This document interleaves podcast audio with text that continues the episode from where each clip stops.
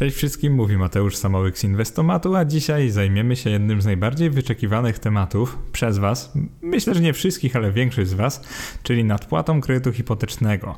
Odpowiemy sobie na pytanie, czy w chwili obecnej i w ogóle w jakich warunkach bardziej opłaca się nadpłata kredytu hipotecznego lub inwestowanie, czyli czy inwestowanie, czy nadpłata kredytu hipotecznego.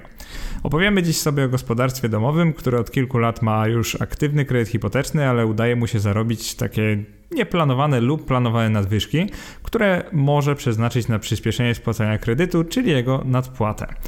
Temat poruszam dlatego, że sama liczba pytań na ten temat, które otrzymuję w mailach i tych, które pojawiały się na naszej grupie na Facebooku, była po prostu tak, bym powiedział, przeogromna, że moim zdaniem świadczyła o tym, że kwestia obliczenia opłacalności nadpłaty kredytu hipotecznego jest naprawdę palącym zagadnieniem, nad którym warto pochylić się w ramach osobnego podcastu co dzisiaj właśnie zamierzam zrobić. Pierwsze założenie symulacji, które Wam już wkrótce przedstawię, będzie to, że nie skracamy sobie cyklu życia kredytu, zamiast tego nadpłacając, by obniżyć sobie jego miesięczną ratę. Także obniżamy ratę, a nie cykl życia kredytu. Czyli nie skracamy sobie kredytu, natomiast obniżamy ratę. Dzięki takiemu działaniu obniżymy swoje koszty życia, w konsekwencji zwiększając swoją zdolność do oszczędzania pieniędzy i inwestowania, co też zobaczycie po samych symulacjach. Jeżeli chodzi o samo zagadnienie, czyli ten problem, to jak zwykle podejdę do niego bardzo matematycznie, ale w taki sposób, że no stety, niestety będziemy musieli zasymulować sobie przyszłość, przyszłe wartości pewnych zmiennych, których oczywiście nie możemy dzisiaj znać, więc będziemy musieli je po prostu wymyślić. Także większość treści tego podcastu będzie operować na dwóch takich nierzeczywistych, wymyślonych scenariuszach, ale uważam, że to jest o wiele lepsze zobrazowanie problemu niż tylko takie teoretyczne gdybanie, więc wykonanie symulacji na wartościach takich zmyślonych jest moim zdaniem dużo, dużo bardziej no, takim otwierającym oczy doświadczeniem niż jakbym miał dzisiaj operować tylko na historii, tak jak to zrobiłem w poprzednim podcaście, tam akurat było o zakupie mieszkania. Uważam, że historia dużo bardziej, dużo lepiej się tam sprawdza, natomiast jeżeli chodzi o nadpłatę tu i teraz, to moim zdaniem musimy przyjąć i założyć pewne wartości. I teraz jakie są kluczowe pytania w decyzji o nadpłacie? Jeżeli masz teraz kredyt hipoteczny i nie wiesz, czy nadwyżki nadpłacać, właśnie nadwyżkami nadpłacać kredyt, czy inwestować na giełdzie. Pierwsze kluczowe pytanie to jest, jak wysokie procentowo są odsetki od Twojego kredytu hipotecznego. I w Polsce około 90% kredytów, tych nowobranych zwłaszcza, to są kredyty o zmiennym oprocentowaniu, więc pytanie sprowadza się do tego, jak wysoka jest marża, czyli część stała oprocentowania Twojego kredytu. I jeżeli myślisz, że marże ostatnio wynoszą około 2-2,5% i zawsze tak było, to pamiętaj, że kiedyś, no niegdyś, kilkanaście lat temu marże wahały się nawet między 0,5% a 3% i więcej, więc ten parametr jest bardzo istotny. Drugie pytanie, które powinieneś lub powinnaś sobie zadać, to jest to, jak wysoka nominalnie jest obecnie rata Twojego kredytu hipotecznego i czy Twoje gospodarstwo domowe poradziłoby sobie z nią, nawet gdyby stopy procentowe wzrosły na przykład o 5 punktów procentowych wobec obecnych. W chwili, kiedy to nagrywam, oczywiście to jest trochę przed publikacją, stopy procentowe y, już wynoszą około 3%. WIBOR jest oczywiście znacznie wyższy, więc wyobraźcie sobie, że one rosną jeszcze o 5 punktów procentowych i pomyślcie sobie, czy w ogóle was stać na taki kredyt, jeżeli byście, jeżeli jego koszty by tak wzrosły. I kolejne pytania, które warto sobie zadać, to jest jak blisko wieku emerytalnego jesteś lub jesteście i jak wiele środków macie zainwestowanych na giełdzie. I prawda jest taka, że im bliżej emerytury, tym szybciej sugerowałbym nadpłacać kredyt hipoteczny. To jest dla niektórych oczywiste, ale dla innych nie, więc warto o tym powiedzieć. Ostatnie pytanie to, czy oceniając Twoje przeszłe wyniki inwestycyjne, najlepiej z 10 lub więcej lat, i podejrzewam, że większość z Was nawet nie inwestuje na giełdzie od 10 i więcej lat, czy sądzicie, że bylibyście w stanie zyskać na inwestycjach więcej niż będzie wynosiło w kolejnym roku oprocentowanie kredytu hipotecznego, oczywiście Waszego? To pytanie jest bardzo ciężkie. Możemy na razie przyjąć sobie, że oprocentowanie kredytu może wynosić dla większości osób w Polsce nawet 6 do 8% i prawda jest taka, że bardzo ciężko ocenić, czy uda Wam się tyle wypracować na giełdzie, nawet jeżeli historycznie udawało się dużo więcej. Jeżeli chodzi o pewne za i przeciw, to jeżeli weźmiemy pod lupę nadpłacanie kredytu hipotecznego, to największe korzyści to przede wszystkim to, że nadpłata kredytu daje realną, niepodważalną i przede wszystkim pewną oszczędność na przyszłych odsetkach od kredytu. I Przede wszystkim to jest tak, że z inwestowaniem nie wiemy, czy zarobimy w kolejnych kilku latach. Raczej tak, ale nie mamy gwarancji. Natomiast z nadpłacą kredytu mamy gwarancję, że oszczędzimy pieniądze na przyszłych ratach. Drugi plus, druga zaleta to to, że dzięki nadpłacie kredytu uspokajamy naszą sytuację finansową, skracając okres kredytowania lub, tak jak zrobimy to w tym podcaście, obniżając sobie przyszłe raty kredytu, stając się coraz bardziej właścicielami mieszkania, w którym mieszkamy. To jest aspekt psychologiczny, ale niezwykle ważny, jeżeli chodzi o nadpłacanie kredytu. Trzecia, taka największa zaleta to to, że nadpłacając kredyt obniżamy swoje miesięczne koszty, zwalniając środki na przyjemności, projekty biznesowe lub inwestycje. Dobrym kontrargumentem jest oczywiście to, że nie nadpłacając mamy wcześniej więcej środków na inwestowanie, ale do tego jeszcze dojdziemy. Przyspieszanie spłaty kredytu hipotecznego przy wykorzystaniu nadwyżek finansowych ma jednak kilka zasadniczych wad, z czego pierwszą jest to, że wybierając nadpłatę i nie inwestując, pozbawiasz siebie możliwości skorzystania z przyszłych preferencji podatkowych przy wykorzystaniu maklerskich kont IK ponieważ może być tak, że tylko nadpłacasz, nie korzystasz przez wiele lat z IK a to są właśnie te konta maklerskie, które w długim terminie dadzą ci największą oszczędność, jeżeli chodzi o podatki. Druga wada to to, że nadpłata to inwestycja we własną nieruchomość, a więc postawienie na mniej płynny rodzaj aktywów, którego w razie potrzeby raczej nie sprzedasz tu i teraz. Argument dotyczy głównie osób bez żadnych oszczędności inwestycji, ale warto też myśleć o naszych finansach w takim kontekście.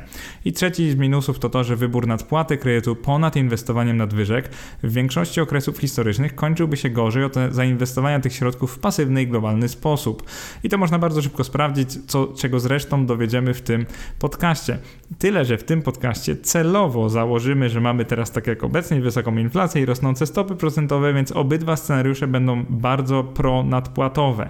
I robię to poniekąd celowo, żeby pokazać Wam, jak zachować się w kolejnych miesiącach i kolejnych latach, a nie tylko historycznie, bo na tym mi bardzo dzisiaj zależy.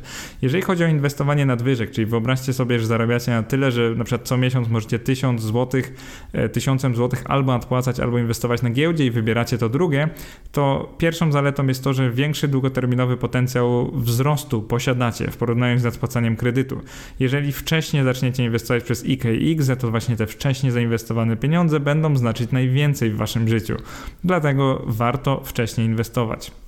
Druga zaleta to to, że fakt, że nadwyżki finansowe idą na giełdę, a nie na nadpłatę kredytu sprawia, że nie zbliżasz się do jego spłacenia, ale dalej to robisz, po prostu wolniej. I niezależnie od sytuacji na giełdzie zawsze możesz część ze środków upłynnić i po prostu nadpłacić nimi kredyt. To jest coś, o czym często ludzie nie myślą, ale zauważcie, że nadpłata kredytu jest w pewnym sensie nieodwracalna, no chyba, że będziecie jakoś rekredytować swoje mieszkanie. Natomiast inwestycja na giełdzie jest jak najbardziej odwracalna i można po prostu później nadpłacić, więc o tym często ludzie zapominają, ale zawsze można to zrobić. Trzecia zaleta to to, że akcje, obligacje i inne instrumenty finansowe można zazwyczaj sprzedać natychmiast albo bardzo szybko, czyli odzyskacie zainwestowanie środki w ciągu maksymalnie tygodnia, co w przypadku mieszkań zdarza się bardzo, ale to bardzo rzadko.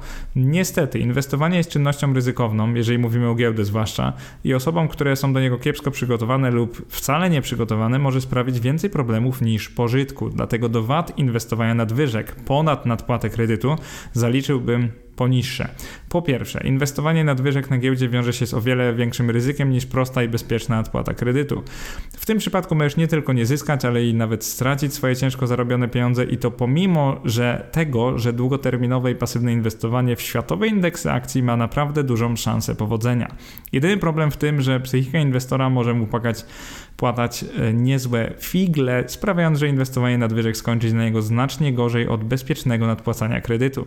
Drugi minus takiego podejścia to to, że jeśli zainwestujesz nadwyżki na giełdzie, to rata kredytu nie zmniejszy się, czyli no oczywiście zakładając brak zmian stóp procentowych, bo jeżeli te by spadły, to by się zmniejszyła. Dlatego ten ciężar zobowiązania taki mentalny pozostaje na takim samym poziomie i no, pamiętajcie, że to wpływa na poziom życia, albo raczej poziom taki komfortu psychicznego. I teraz, jeżeli chodzi o proces porównywania nadpłaty z inwestowaniem, jest on tak naprawdę dość prosty. Wyniki całych analiz przedstawimy na dwa sposoby. Po pierwsze, będziemy porównywać miesięczną skalę oszczędności na racie kredytu do miesięcznych zysków lub strat z inwestycji. No i tutaj chyba nie trzeba niczego tłumaczyć. Skoro przeznaczamy tu w tym przypadku akurat 1000 zł albo na nadpłatę kredytu, albo na inwestowanie, to oczywiście warto porównać, ile na tym oszczędzimy lub zarobimy, bo to jest tak naprawdę to samo. Zauważcie, że oszczędność na ratach kredytu wobec scenariusza, w którym byśmy nie nadpłacali, jest dokładnie tym samym co zarobek na giełdzie. I powyższe inwestycje, nazwijmy je, bo nadpłata jest raczej oszczędnością, ale też można powiedzieć, że jest inwestycją, pokażemy też sposób skumulowany w dłuższym okresie. Poprawi to czytelność analiz i pozwoli zaprezentować ich wyniki w jeszcze prostszy sposób. Jeżeli chodzi o omawiane parametry, tutaj taką tabelę we wpisie załączyłem, to pierwszy z nich to jest podana stała marża kredytu hipotecznego, po prostu założymy taką z roku 2021, z samego początku. No i to będzie jedna z nielicznych stałych, które w ogóle będą w tym podcaście. Drugi parametr zmienna to jest symulowana zmienna przyszła stopa procentowa WIBOR 3M, czyli założymy, że właśnie na niej jest oparty nasz kredyt, że bierzemy tak jak większość Polaków ten o zmiennym oprocentowaniu i oczywiście od tego będzie zależała wysokość e, przyszłej raty. Symulowana zmienna wysokość miesięcznej raty kredytu hipotecznego, no tak jak powiedziałem, tutaj będziemy brali pod uwagę średnie oprocentowanie kredytu w kwartale, czyli będziemy zakładać, że bank dokonuje aktualizacji tych, e, tego harmonogramu spłat co co kwartał. Oczywiście policzymy ją przy pomocy marży, o której już mówiłem, i zmiennych w czasie stóp procentowych. Kolejnym parametrem będzie przyszła stopa zwrotu z indeksu światowych akcji. Oczywiście nie możemy jej przewidzieć, dlatego trochę się pobawimy. Dlatego w pewnym sensie stworzyłem nieistniejący indeks akcji i założymy sobie, że on w ciągu roku będzie zwracał, tam jest akurat 8%. Jeżeli ktoś by pytał, to jest 8% brutto, także jakby dużo gorzej niż było w poprzednich latach, jeżeli chodzi o globalny indeks akcji. I po prostu założymy, że inwestujemy w ten indeks. On czasem będzie przynosił straty, czasami zyski. Ja go tak zaprogramowałem, żeby celowo na początku przyniósł dość, dość dużą stratę, a później już raczej zyski. No i się uśredni na 8% rocznie. Kolejnym, ostatnim, ale bardzo ważnym parametrem jest dynamika inflacji konsumpcyjnej CPI, czyli to jest już bardziej jako ciekawostka, ale pokażemy dlaczego RPP musiała tak zwiększać stopy procentowe. Oczywiście te scenariusze inflacyjne znowu nie będą w żaden sposób realistyczne. Ja celowo się bawię w ten sposób, że w jednym e, przypadku podam wam taki scenariusz no defensywny, kiedy inflacja jednak za parę kwartałów zacznie spadać, a drugi, w którym ona ucieknie nam zupełnie i dojdzie nawet do 20%, więc chodzi tu też o użycie, e, puszczenie Y, tych y, wodzy wyobraźni i wyobrażenie sobie, że tak będzie, natomiast miejmy nadzieję, że tak nie będzie. I teraz jakie są założenia do analizy? Przede wszystkim jej przedmiotem są trzy gospodarstwa domowe o identycznej sytuacji finansowej, które na początku 2021 roku kupują mieszkania 50-metrowe w Warszawie. 50 metrów kwadratowych na własny użytek, płacą za nie średnią rynkową z tamtego okresu, to jest 512 tysięcy złotych, finansując je w 80% kredytem. Część kapitałowa kredytu zatem wynosi 410 tysięcy złotych, i będzie to kredyt o stałej racie brany na 30 lat, także zmiennoprocentowy, ale o stałej racie. Marża kredytu wyniesie 2,1%, czyli taki bankowy standard w styczniu 2021 roku. Drugie założenie to to, że rodziny będą miały do dyspozycji identyczne kwoty nadwyżek wynoszące to będzie 1000 albo 2000 zł miesięcznie, które wykorzystają w trzech różnych celach. Będą tak zwane trzy warianty, tak jakby trzy różne rodziny. Wariant pierwszy to będzie nadpłata kredytu, czyli całą kwotą, czyli 1000 lub 2000 zł. Wariant drugi to będzie mix, czyli 50 na 50 nadpłacamy, inwestujemy te same kwoty. Wariant trzeci to będzie, że 100%, czyli 1000 lub 2000 inwestujemy na giełdzie i nie nadpłacamy w ogóle.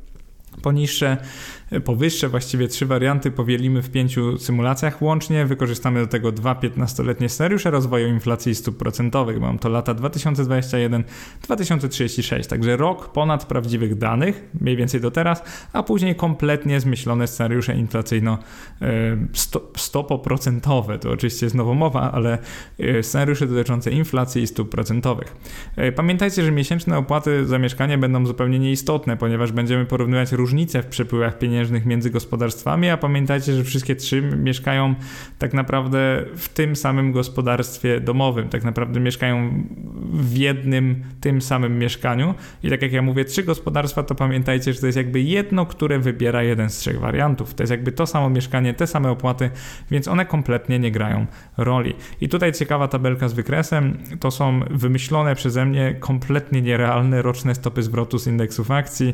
E, też w drugiej kolumnie podaję CAG czyli do tego momentu, jaka była średnia roczna stopa zwrotu, ona miała wyjść dokładnie w okresie 15-letnim 8% rocznie brutto. I jak pewnie widzicie po wykresie, czasami były spadki, czasami wzrosty i właśnie o to chodzi w indeksach akcji. Więc to jest kompletnie nierealne, ale no pamiętajcie, że coś musiałem założyć. I każda rodzina oczywiście robi to wszystko zgodnie z określonym planem, nie reagując na zmiany inflacji i stóp procentowych. Także te rodziny zakładają swój plan wcześniej, robią tak i zobaczymy, jak na tym wyjdą finansowo. Zacznijmy pierwszą symulację jej omówienie, to jest inflacyjny powrót do normy. Przede wszystkim, jeżeli chodzi o ten zmyślony przebieg inflacji w pierwszym scenariuszu, to jest scenariusz stabilizującej się inflacji stóp procentowych, czyli zakładamy, że inflacja jeszcze trochę nam ucieknie, przez parę miesięcy będzie rosnąć, dojdzie gdzieś tak do 10%, a później dość dynamicznie spadnie. Mimo tego, że stopy procentowe zostaną podniesione maksymalnie do takiego poziomu 4,5-4,75%. Czy tak będzie? Nie mam pojęcia, ale to jest ten scenariusz bardziej zachowawczy. Tu zakładamy, że inflacja się uspokoi, no i w takim średnim, długim terminie stopy procentowe wrócą do normy. I teraz co znaczy norma? To znaczy, że będą około 2,5, 2 nawet procent w ciągu kolejnych no 4 i 5, nawet 6 lat, a na samym końcu tego badanego okresu będą nawet przy zerze, tak jak były w roku 2020 i 2021. I przypomnę Wam jeszcze o bardzo istotnej rzeczy. W obliczeniach i na tych wykresach, które zaraz zobaczycie, nie biorę pod uwagę wzrostu wartości mieszkania, czyli mimo, że możemy się domyślić, że przez inflację on będzie naprawdę ogromny, to pamiętajcie, że opisywane tu trzy rodziny kupiły dokładnie to samo mieszkanie, więc jego wzrost wartości nie będzie z punktu widzenia symulacji istotny. Także to nie jest ich krzywa kapitału tak, jakby mieszkanie rosło przy takiej inflacji, to jest tylko tak naprawdę różnica między rodzinami, czyli tyle, ile albo zarobiły łącznie na giełdzie, albo oszczędziły na kredycie hipotecznym, a dokładnie jego ratach. I tak naprawdę to jest tak proste, jak to, co powiedziałem. I na każdym z kolejnych kilku wykresów zobaczycie sumaryczną wartość majątku, biorącą pod uwagę tylko spłaconą część kwoty kapitału kredytu oraz zmienną w czasie wartość inwestycji kapitałowych. Dla osób, które słuchają tego w formie podcastu, postaram się to jak najlepiej opowiedzieć, ponieważ nie jest to aż takie trudne. Bierzemy pierwszy wariant, czyli to, co już Wam wcześniej powiedziałem. Inflacja wraca do normy w ciągu 3-4 lat, stopy procentowe właściwie tak samo, czyli wracamy do niskich stóp procentowych. I cała symulacja wygląda w ten sposób, że tylko inwestowanie czyli to inwestowanie nadwyżek 1000 zł miesięcznie, opłacałoby się w końcu bardziej niż nadpłata kredytu. Natomiast nadpłata kredytu nie radziła sobie wcale o wiele gorzej. Po prostu na samym kredycie mniej oszczędzaliśmy niż gdyby stopy procentowe były wysokie, więc to jest taki typowy scenariusz, że wiemy, że giełda zwróci nam 8% rocznie brutto, natomiast odsetki kredytu średnio będą to wynosić 4-5%, więc to jest prosta matematyka, która już pokazuje, dowodzi tego, że no w czasach, kiedy stopy procentowe spadają lub już są niskie, możemy śmiało założyć, że giełda wtedy wygra z nadpłacaniem i tak naprawdę nie ma tu większej filozofii. Taki wniosek, który bym od razu wyciągnął, to to, że w słabych dla giełdy latach 2022-2023 zdecydowanie wygrywa rodzina nadpłacająca kredyt, tylko pamiętajcie, że nie przewidzimy tego, kiedy będą słabe lata dla giełdy, dlatego Dowodzi to tej tezy, że nadpłata jest pewnym zyskiem, tak jak powiedziałem na początku podcastu, a inwestowanie na giełdzie niepewnym. I to jest jeden z takich ważnych wniosków z tego wykresu. I wystarczy jednak jeden gorszy rok, na przykład 2032, na tym wykresie, aby rodziny inwestujące, czyli ta różowa i czerwona, zrównały się kapitałem z rodziną nadpłacającą. I to też jest bardzo ciekawe, bo tak naprawdę to pokazuje zmienność giełdy. Jakbyśmy ten okres przeciągnęli teraz o kolejne 10 lat, to byście zobaczyli, że prawie na pewno rodziny inwestujące by wyszłyby naprawdę o wiele lepiej od tej rodziny, która inwestowała tylko i wyłącznie nadwyżki, te, które jakby z czasem oszczędziła na kredycie hipotecznym, bo to jest bardzo istotne, żebyście zrozumieli, że to, co widać na wykresach w wariancie pierwszym, czyli tylko na spłatę kredytu, ta rodzina również inwestuje na giełdzie, ale tylko to, co oszczędziła na nadpłatach, czyli przykładowo na pierwszej nadpłacie 1000 zł, prawdopodobnie oszczędzicie na racie kredytu dosłownie kilka złotych, zwłaszcza jakie są tani. Więc pamiętajcie, że ta rodzina bardzo powoli buduje ten rodzaj majątku. Teraz kolejny wykres to jest symulacja pozostałej części kapitałowej kredytu do spłaty w zależności od wariantu. No i tu też jest dość ciekawie, bo wychodzi na to, że osoba, która nadpłacała dynamicznie, przez 15 lat spłaciła, no nie powiem prawie cały kredyt, ale 400 tysięcy spłaciła prawie 300, także to zobowiązanie mentalne jest dużo mniejsze niż dla pozostałych rodzin. Osoba, która nie nadpłacała w ogóle i przez to, że stopy procentowe przez te kilka początkowych lat były trochę wyższe niż powiedzmy przeciętnie, to oczywiście zostało jej do spłacenia jeszcze no, większość części kapitałowej, ponieważ wiecie, że kredyt o stałej e, racie działa w ten sposób, że na początku spłacamy więcej odsetek, później więcej kapitału, więc oczywiście ona dopiero teraz zacznie spłacać spłacać kapitał. E, jeśli inwestujący uznaliby to za właściwe, to jest bardzo ważne, mogliby pod koniec badanego okresu spłacić pozostałe 255 tysięcy złotych kapitału kredytu, zachowując na giełdzie dalej około 100 tysięcy złotych, czyli mniej więcej tyle, ile posiada tam rodzina, która przez 15 lat nadpłacała kredyt. Teraz co jest bardzo, ale to bardzo istotne, to to, że W pierwszy wykres, ten poprzedni, o którym mówiłem, wbudowany był podatek belki. Część z Was może o to pytać, więc zakładamy, że na końcu inwestycja jest sprzedawana, także pozbywamy się tych akcji lub ETF-ów na akcje i płacimy podatek belki. Także inwestowanie w tym scenariuszu wygrywa ze względu na fakt, że wynoszące 8% średnie roczne stopy zwrotu z inwestycji giełdowych opłaciły się w tym okresie bardziej od nadpłaty, która zyskiwała tak naprawdę w porywach 6,85% w skali roku, a średnio było to tylko 3,51%, więc tak naprawdę dwukrotnie mniej od inwestycji w akcje. Choć rodziny z wariantu pierwszego nie ratuje albo po, powiedzmy właściwie, że ratuje e, ten fakt, że osiągnięte dzięki nadpłacie na zwyżki finansowe zaczęła logować na giełdzie. I to jest bardzo istotne, gdyby oszczędzała w skarpecie te pieniądze, to jej wynik byłby zdecydowanie gorszy, ale tego pewnie się domyślacie. Drugi scenariusz to jest symulacja 1.1. Tutaj mamy wzrost wartości kapitału dla trzech wariantów lokowania kwoty 2000 zł miesięcznie, także zakładamy, że rodzina ma wyższe nadwyżki. I teraz o czym stanowi wykres? Przede wszystkim, jeżeli inwestowanie w tym okresie się opłaca, bardziej od, od nadpłacania, to oczywiście, jeżeli inwestujemy więcej, czyli 2000 zł miesięcznie, a nie na przykład 0 zł miesięcznie, to oczywiście dzięki temu mamy jeszcze lepsze wyniki, więc jakby tutaj nie ma żadnej tajemnicy. Także nawet po podatku Belki rodzina, która inwestowała, kończy z, z kwotą 913 900 zł. Rodzina, która tylko nadpłacała, też po podatku Belki, bo przypominam, że ona ma jakieś inwestycje na giełdzie, kończy z kwotą 766 800 zł. Także no, znacznie znacznie mniej. I Teraz zakładamy, że to nie jest konto IKX i pamiętajcie, że jeżeli to by było konto IKX, to rodzina inwestująca miałaby jeszcze wyższy kapitał, nawet około miliona. Jednak osoby takie znające się na tych kontach lepiej zauważą, że konta IKX nie są w tym podcaście trafną argumentacją za inwestowaniem, ponieważ rodzina inwestująca może w dowolnej chwili chcieć zdecydować na nadpłatę kredytu, więc tak czy owak środki z IKE IGZE wycofałaby za pomocą procedury zwrotu, co by znaczyło, że skasowałaby te swoje preferencje podatkowe. Jeżeli chodzi o kolejny wykres do tej symulacji 1.1, to pozostała część kapitałowa kredytu do spłaty w zależności od wariantu. Oczywiście, jeżeli lokujemy 2000 zł miesięcznie, czyli nadpłacamy kredyt tym, no to spłacimy cały kredyt w mniej niż nawet 15 15 lat. Po prostu spłacimy go całego przy tych niskich stopach procentowych i oczywiście w przypadku inwestowania nie spłacimy go ani trochę szybciej niż w pierwszym wariancie.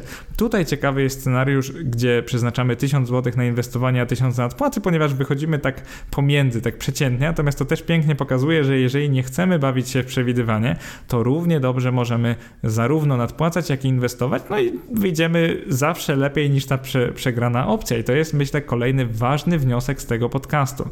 Przechodzimy płynnie do symulacji drugiej, czyli tutaj mamy walkę z inflacją i bardzo wysokie stopy procentowe. I tutaj już naprawdę podkręcamy tempo, puszczamy wodze naszej fantazji, zagłębiamy się w nieco takim przerysowanym, ale w pewnym sensie koszmarnym świecie wysokiej inflacji.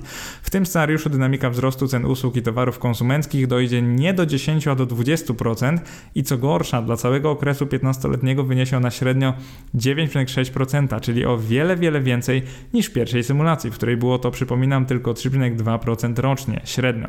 W parze z inflacją oczywiście rosnąć będzie także WIBOR, który w tym okresie uśredni się na przerażającym dla kredytobiorcy poziomie 7%, 7,03%. I teraz zobaczymy, jak te dwie wartości rozkładają się w czasie. Tak jak mówiłem, zakładamy, że inflacja rośnie aż do roku 2025 i później spada, ale wcale nie tak szybko, więc tak naprawdę do roku 2029, czyli tak jakby kolejne 7 lat mamy wysoką, taką naprawdę wysoką inflację. To oczywiście oznacza, że mamy też bardzo wysokie stopy procentowe, które nawet miejscami są wynoszą 15%, więc wyobraźcie sobie, że mamy naprawdę bardzo drogie kredyty i oczywiście w teorii zyskowne depozyty i lokaty, ale to się oczywiście nie, przy, nie przekłada aż tak na rynek akcji, ponieważ zakładamy ten sam scenariusz do, dla akcji. I teraz dla kredytobiorców, którzy kupili mieszkanie jest to sytuacja dwuznaczna, ponieważ z jednej strony wysoka inflacja sprawia, że ich albo wasz aktywny kredyt hipoteczny się dewaluuje, bo z inflacją zwykle rosną zarobki, więc kredyt w przyszłych złotych będzie wam łatwiej spłacić, bo będzie będzie miał on jakby tę samą wartość zamrożoną w starych, mniej wartych złotych. To jest ważne, żebyście to zrozumieli. Z drugiej jednak strony wysoka inflacja wywołuje zazwyczaj wzrost stóp procentowych, którymi się z nią jakby walczy, czyli zachęca ludzi do oszczędzania w pewnym sensie i oczywiście odstrasza od kredytów. To z kolei przekłada się na rosnące raty kredytu zmiennoprocentowego. Więc mamy taki dysonans, że z jednej strony chcemy nadpłacić, ponieważ no wiadomo, wysokie stopy, więc nie chcemy tak dużo płacić raty kredytu w kolejnych miesiącach i latach.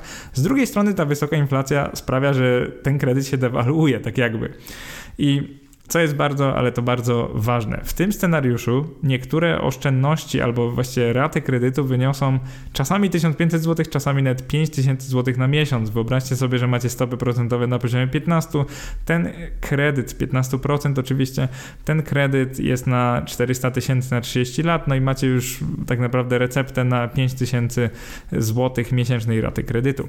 Pierwszy ze scenariuszy, akurat ten się już nazywa symulacja druga, bo pierwszy z tych scenariuszy w drugim w drugiej symulacji to jest wzrost wartości kapitału dla trzech wariantów lokowania kwoty 1000 zł. I tu jest bardzo ciekawie, bo po pierwsze widzimy, że nadpłata kredytu sama wygrywa z inwestowaniem i to tak, no może nieznacznie, ale wygrywa. I to jest bardzo ciekawe, bo nawet jeżeli tylko, bo to jest dalej tylko 1000 zł, inwestujemy lub nadpłacamy, to i tak ta oszczędność na racie kredytu, który jest koszmarnie drogi, przez wiele, wiele lat robi swoje i dzięki niej możemy więcej zainwestować, co później daje większe stopy zwrotu. Więc to jest jeden z wniosków. I y, jakby dlaczego różnica między tymi osobami nie jest większa, bo różnica jest bardzo mała. Po podatku Belki wariant nadpłaty skończył na 562 800 zł, natomiast wariant bez nadpłaty na 529 tysiącach, więc 30 tysięcy różnicy to nie jest tak dużo jak na 15 lat. I tak się dzieje głównie dlatego, że nawet nadpłacająca 1000 zł części kapitałowej kredytu miesięcznie rodzina robi to zwyczajnie zbyt powoli, aby miało to znaczenie w latach 2023-35, gdy koszty kredytu wynoszą nawet 5000 zł miesięcznie lub lub więcej. Więc jakby chodzi o to, że nadpłacą nas za wolno, żeby to miało jakieś wielkie znaczenie. Teraz pytanie, czy rodzina inwestująca mogła po kilku latach oszczędzania inwestowania upłynnić swoje inwestycje i zamiast tego przeznaczyć całość uzyskanej kwoty na odpłatę koszmarnie drogiego kredytu? Mogła, ale zapewne trafiłaby w dołek na giełdzie i zapewne nie wyczułaby górki stóp procentowych, ponieważ to są te zmienne, których przewidzieć nie możemy. Dlatego celowo pokazuję Wam scenariusze, żebyście mogli wyciągnąć również własne wnioski.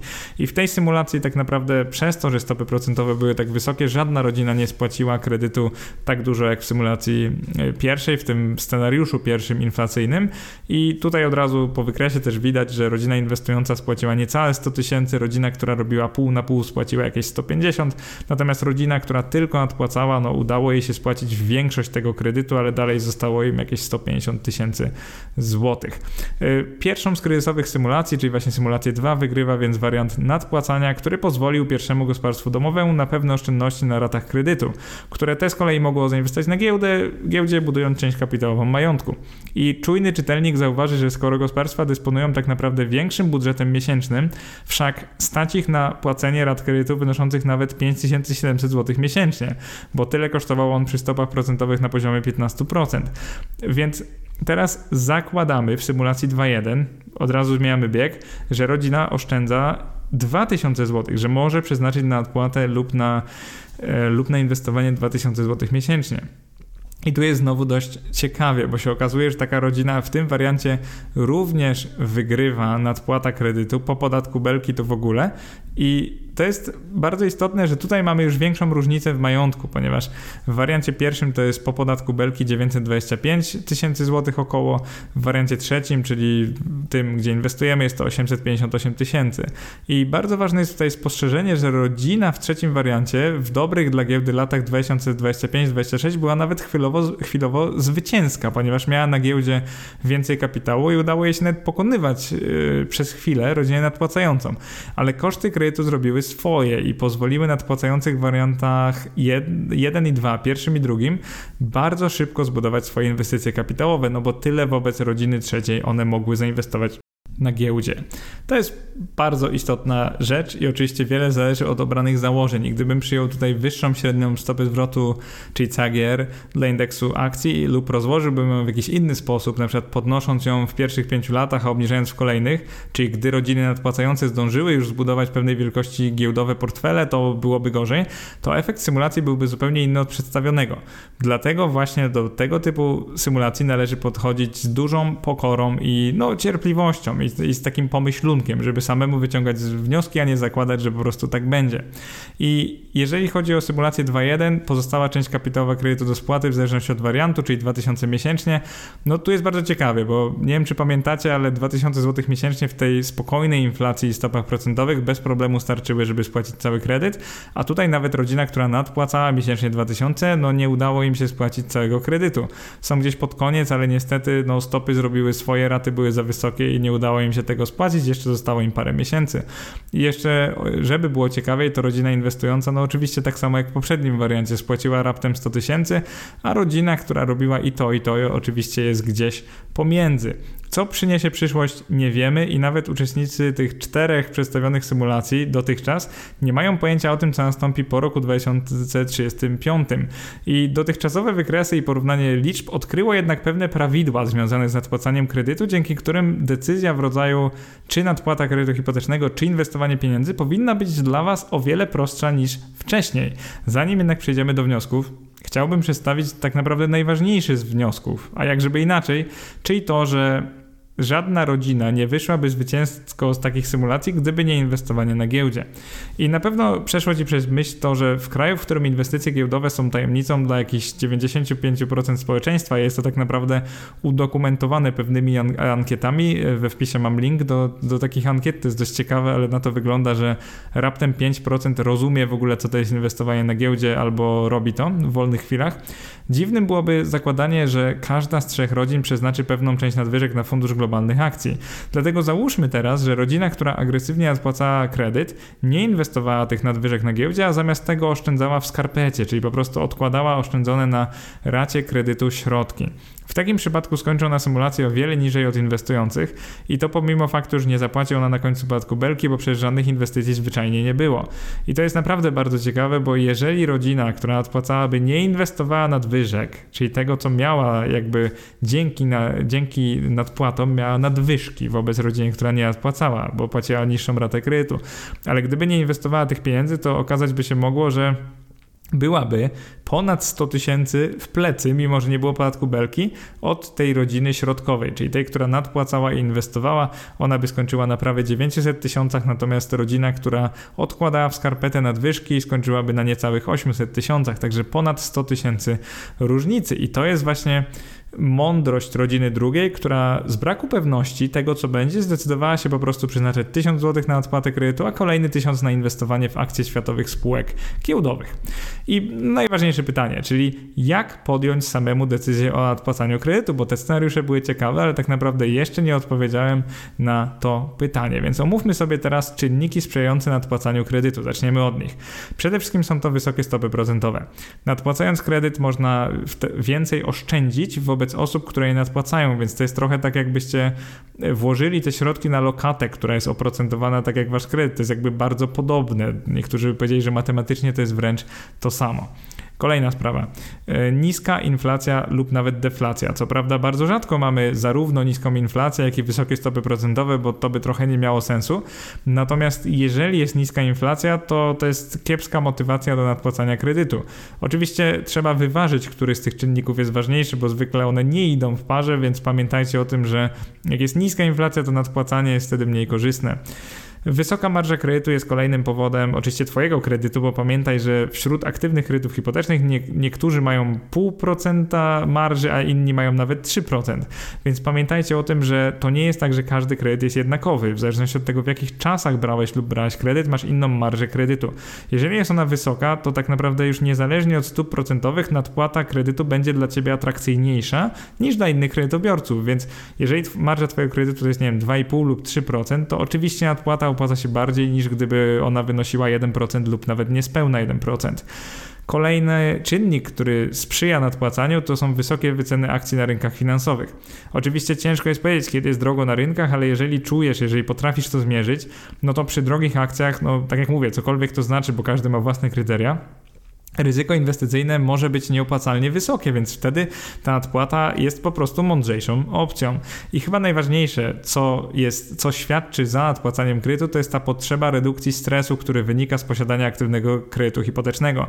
E, niektórzy wolą spokój od algebry, tak się często podśmiewuje z nadpłacających, ale prawda jest taka, że no, nadpłata to jest coś pewnego, inwestowanie nie, więc trzeba to sobie powiedzieć i trzeba to zrozumieć. Jeżeli chodzi o inwestowanie, kiedy warto inwestować? Przede wszystkim, jeżeli stopy procentowe są niskie lub średnie, ale dynamicznie obniżane, czyli jeżeli na przykład one wynoszą 4-5%, ale już widać, że polityka będzie, polityka fiskalna i monetarna będą szły w tym kierunku, że stopy procentowe będą spadać, no to oczywiście zysk inwestycji raczej pobije przyszłą oszczędność na ratach kredytu. Ale kolejna rzecz, i to się trochę gryzie, jeżeli chcesz inwestować, no to wysoka inflacja sprawia, że aktywny kredyt się dewaluuje, więc no, w przyszłości zapłacisz za niego tańszym, mniej wartym pieniądzem, więc tym bardziej warto mieć go na giełdzie. Można jakby podchodzić do tego w ten sposób. Jeżeli chodzi o marżę kredytu, oczywiście jak jest ona niska, no to nie warto nadpłacać, więc jeżeli udało Ci się wziąć niezwykle korzystny kredyt hipoteczny, na przykład na marży 1%, no to inwestowanie raczej przebije nadpłacanie i to jest tak proste. Kolejny czynnik za inwestowaniem to oczywiście niskie wyceny akcji na rynkach finansowych. Jeżeli umiesz to wycenić, jeżeli relatywnie nawet do przeszłości rynki są tanie, akcje na rynkach są tanie, to oczywiście to jest dobry moment na inwestycje, na pewno lepszy niż był, kiedy były droższe. To jest taka prosta, no wręcz powiedziałbym chłopska logika, ale ona oczywiście tu działa. I ostatni czynnik za inwestowaniem to jest pewna praca w przyszłościowym zawodzie i wiara w swoje możliwości zarobkowe. Dodatkowo, długi horyzont inwestycyjny, czyli nadpłacałbym agresywniej bliżej emerytury, chcąc za wszelką cenę obniżyć swoje koszty życia, w tym także kredytu. Natomiast jeżeli jestem, no, no w tym przypadku ja akurat jestem, ale jeżeli jesteście młodzi, cokolwiek to dla was znaczy, ale to jest tak zwykle pewnie przed, nie wiem, czterdziestką, ludzie się uważają za młodych jeszcze, no to oczywiście wasze możliwości zarobkowe, potencjał może być jeszcze większy, żeby się rozwinąć, więc jakby nadpłacanie może wam się opłacić mniej niż inwestowanie, zwłaszcza, że przed wami długie długie, lata. I teraz, kiedy opłaca się nadpłacać kredyt hipoteczny? Przede wszystkim, jeżeli jest dla Ciebie mentalnym obciążeniem i kulą u nogi, to niezależnie od przedstawionych dowodów w tym wpisie, powinieneś lub powinnaś jak najszybciej się go pozbyć, nadpłacając go tak szybko, jak to tylko możliwe. I teraz pierwsze pytanie. Czy warto odpłacać kredyt, jeśli średnia roczna stopa zwrotu z indeksu światowych akcji wynosiła w ostatnich latach przykład 12%, czy tak jak ostatnio, więc rynki są raczej drogie, prawdopodobnie, a stopy procentowe dynamicznie rosną, czyli to jest tak jak teraz. No to odpowiedziałbym, że raczej warto, raczej tak. Drugie pytanie. Czy warto odpłacać kredyt, jeśli rynki finansowe mają gorsze wyniki, czyli wyceny są niskie teraz, ale stopy procentowe dynamicznie rosną? No i tu już jest trochę ciężej. Powiedziałbym, że być może, że to już nie jest takie oczywiste. Ale trzecie pytanie, tu odpowiedź będzie prosta. Czy warto odpłacać kredyt, gdy rynki finansowe mają umiarkowane ceny, a stopy procentowe są bliskie zeru? I tu bym powiedział, że prawie na pewno nie, ponieważ szansa, że rynki finansowe wtedy runą, jeżeli macie inwestycje, jest nikła, a kredyt jest prawie za darmo, więc jednak ja bym matematycznie tutaj poszedł za głosem rozsądku i jeżeli stopy procentowe są bliskie zeru, czy tam jednego, to prawie na pewno nie warto jest go nadpłacać. I to jest tak proste, bo przecież możecie nadpłacić później, jeżeli stopy procentowe już pójdą do góry, jeżeli wzrosną. Ostatnie pytanie, co jeśli rynki są drogie, a stopy procentowe są bliskie zeru? Tak też może być. Taka analogia net do roku 2021, kiedy one dynamicznie rosły, stopy były bliskie zeru. No tutaj można pomyśleć nad wariantem drugim, czyli takim częściowym nadpłacaniem i częściowym, częściowym inwestowaniem na giełdzie, albo tak jak mówiłem, poczekać na to, aż stopy procentowe wzrosną i wtedy aktywnie nadpłacić kredyt, nawet przenosząc środki z giełdy. Pamiętajcie, że kredyt hipoteczny nie bez powodu nazywany jest najtańszą dostępną powszechnie dźwignią finansową. Jeżeli jest on darmowy albo prawie darmowy i na przykład łącznie kosztuje około 3% rocznie, to odpłacenie jego prawie nigdy nie będzie miało sensu. No ale z drugiej strony nikt nie zagwarantuje nam, że na giełdzie zarobimy pieniądze.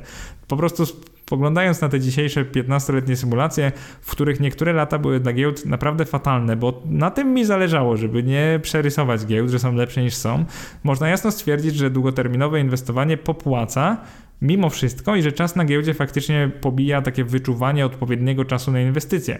No ale skoro jesteśmy przy inwestowaniu, to kiedy najbardziej się opłaci inwestowanie nadwyżek?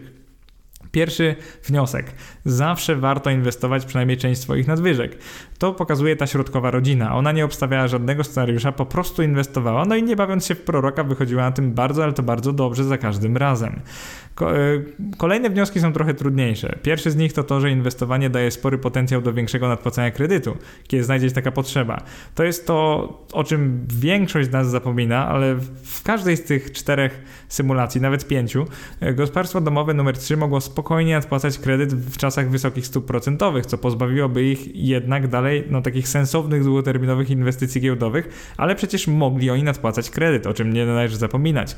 I ostatni już wniosek, inwestowanie można regulować, dopłacając do swojego portfela więcej w czasach niskich stóp procentowych, a mniej w czasach, gdy WIBOR rośnie. I to jest ta swoboda, która sprawia nam optymalizować, e, pozwala nam optymalizować nadpłacanie, czyli zachowywać się rozsądnie i racjonalnie, czyli tak jak każdy inwestor powinien się zachowywać. No i najprostszy wniosek na sam koniec.